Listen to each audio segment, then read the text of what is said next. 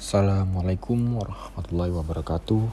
Saya Rendiak Malata dari kelas LPI 1A Yang menjelaskan tugas dengan yaitu bagaimana cara meredam kegaduhan dalam demokrasi di Indonesia. Kerusuhan terjadi akibat dari pemimpin yang tidak menjalankan demokrasi dengan baik.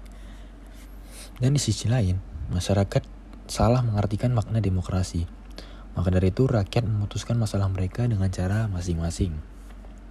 Salah satu kesalahan juga dilakukan oleh pemerintah, yaitu hanya menyatakan kejad kejadian ricu itu hanya masalah keluarga dan keluarga korban tewas yang sudah dimaafkan. Seharusnya masyarakat dapat memahami makna demokrasi secara sungguh-sungguh dan dan utuh. Demokrasi Indonesia yaitu demokrasi yang digunakan untuk mencapai tujuan bangsa dan terikat hukum. Dan juga dengan itu pemerintahnya juga harus menegakkan hukum dengan sungguh-sungguh. Itu uh, sekian dari saya. Wassalamualaikum warahmatullahi wabarakatuh.